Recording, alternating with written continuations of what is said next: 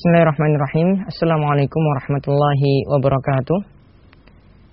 Innal hamdalillah nahmaduhu wa nasta'inuhu wa nastaghfiruh wa na'udzu billahi min sururi anfusina wa min sayyiati a'malina. May yahdihillahu fala mudilla lahu wa may yudlil fala hadiyalah. Wa asyhadu an la ilaha illallah wahdahu la syarikalah wa asyhadu anna Muhammadan abduhu wa rasuluh.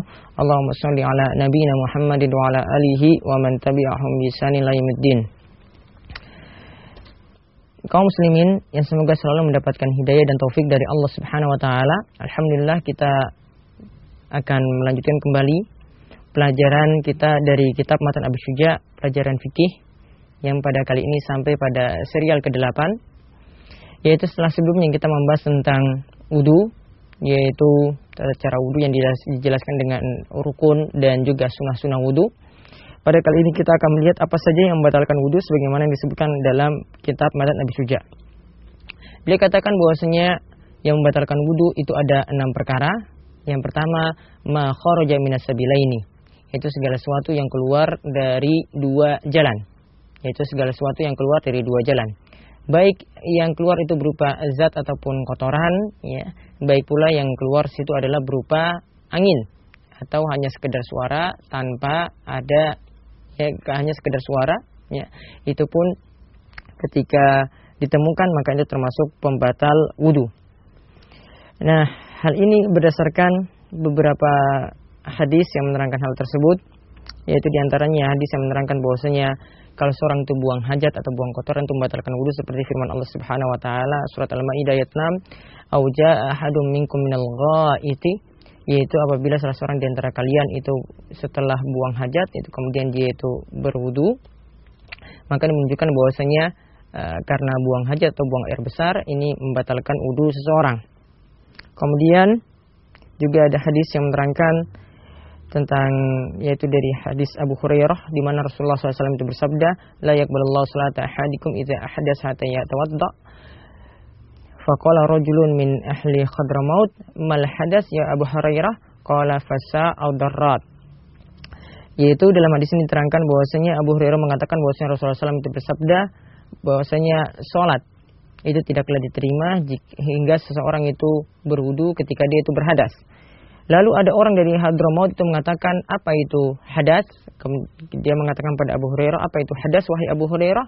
Kemudian Abu Hurairah itu mengatakan fasa wadarat ya di mana fasa wadarat ini sini adalah uh, suara yang keluar ketika kita itu kentut. Ya, suara yang keluar ketika kita itu kentut, ketika kentut yang keluar itu baik bersuara ya, baik dengan bersuara ataupun mengeluarkan bau. Nah itu dalil yang menunjukkan bahwasanya di antara pembatal wudhu itu adalah keluarnya sesuatu dari dua jalan. Begitu juga dari jalan depan, ya juga itu dengan seorang itu kencing.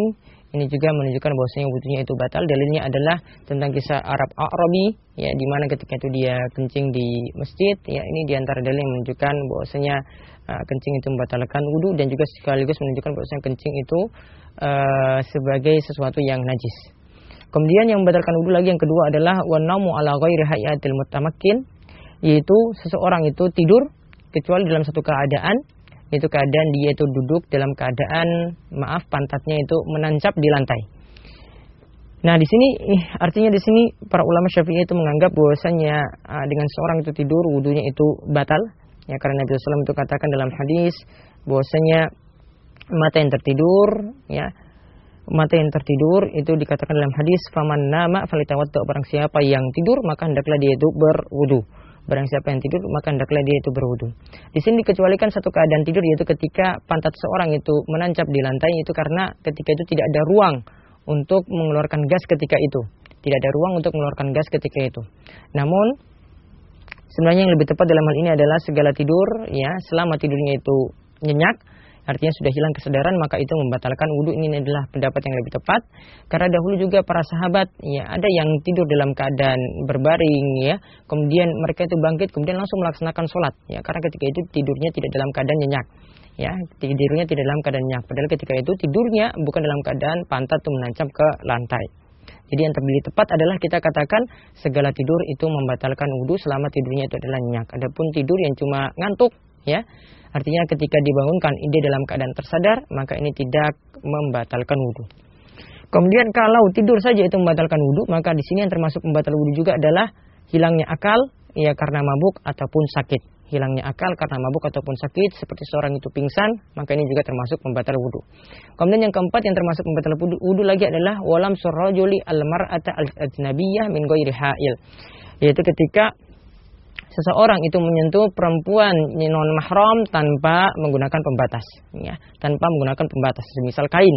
Ya kalau dia menyentuh wanita non mahram ketika itu menggunakan pembatas atau menggunakan kain ya ini tidak membatalkan wudhunya dan juga dikatakan di sini menyentuh non mahram artinya kalau yang mahram ya ini tidak membatalkan wudhu dan dalil di antaranya di sini adalah firman Allah Subhanahu Wa Taala, "Aula nisa" atau karena menyentuh perempuan. Di sini diartikan oleh ulama Syafi'iyah mengambil tafsir menyentuh perempuan. Namun ulama yang lainnya itu mengatakan bahwasanya lamastumun nisa di sini bermakna jima, ya, yaitu wudhu itu bisa batal itu ketika berjima. Ya, wudhu itu bisa batal itu ketika berjima, tidak ketika cuma sekedar menyentuh perempuan, ya. Ketika itu wudhunya itu tidak batal. Walau alam yang lebih tepat adalah kita menggabungkan di antara pendapat yang ada kita katakan bahwasanya menyentuh wanita itu membatalkan wudhu ketika menyentuhnya itu dengan syahwat. Ketika menyentuhnya tidak dengan syahwat itu tidak membatalkan wudhu. Ini pendapat uh, yang pertengahan dalam masalah ini di antara ulama belakangan yang berpendapat seperti ini adalah Syekh Al Fauzan. Kemudian yang membatalkan wudhu lagi adalah yang kelima yaitu ketika seseorang itu menyentuh kemaluan. Di sini dikatakan was masul farji wa masufarjil adami bibatinil kafi yaitu ketika seorang itu menyentuh kemaluan dengan bagian dalam telapak tangannya dengan bagian dalam telapak tangannya. Maka ketika seorang itu menyentuh kemaluan wudhunya itu batal. Ya ketika seorang itu menyentuh kemaluan wudhunya itu batal. Sebagaimana dalam hadis juga disebutkan man massa zakaro fala yusalli hatta yatawadda barang siapa yang menyentuh kemaluan maka janganlah dia itu salat sampai dia itu berwudu kemudian yang terakhir yang termasuk batal wudhu lagi adalah wa masu halaqati duburihi alal jadid.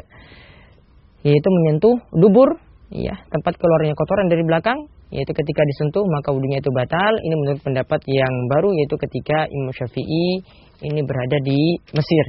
Namun yang lebih tepat tentang masalah ini menyentuh dubur ini tidak telah membatalkan wudhu ya karena tidak ada dalil khusus yang menyebutkan semacam ini itu cuma kias saja tadi dan batal itu ketika ya ada keluar ketika itu sesuatu yang najis. Walau alam bisawab ini demikian enam hal yang membatalkan wudhu sebagaimana disebutkan oleh Abu Suja dalam kitab matanya ini. Mudah-mudahan bermanfaat. Wabillahi taufiq wassalamualaikum warahmatullahi wabarakatuh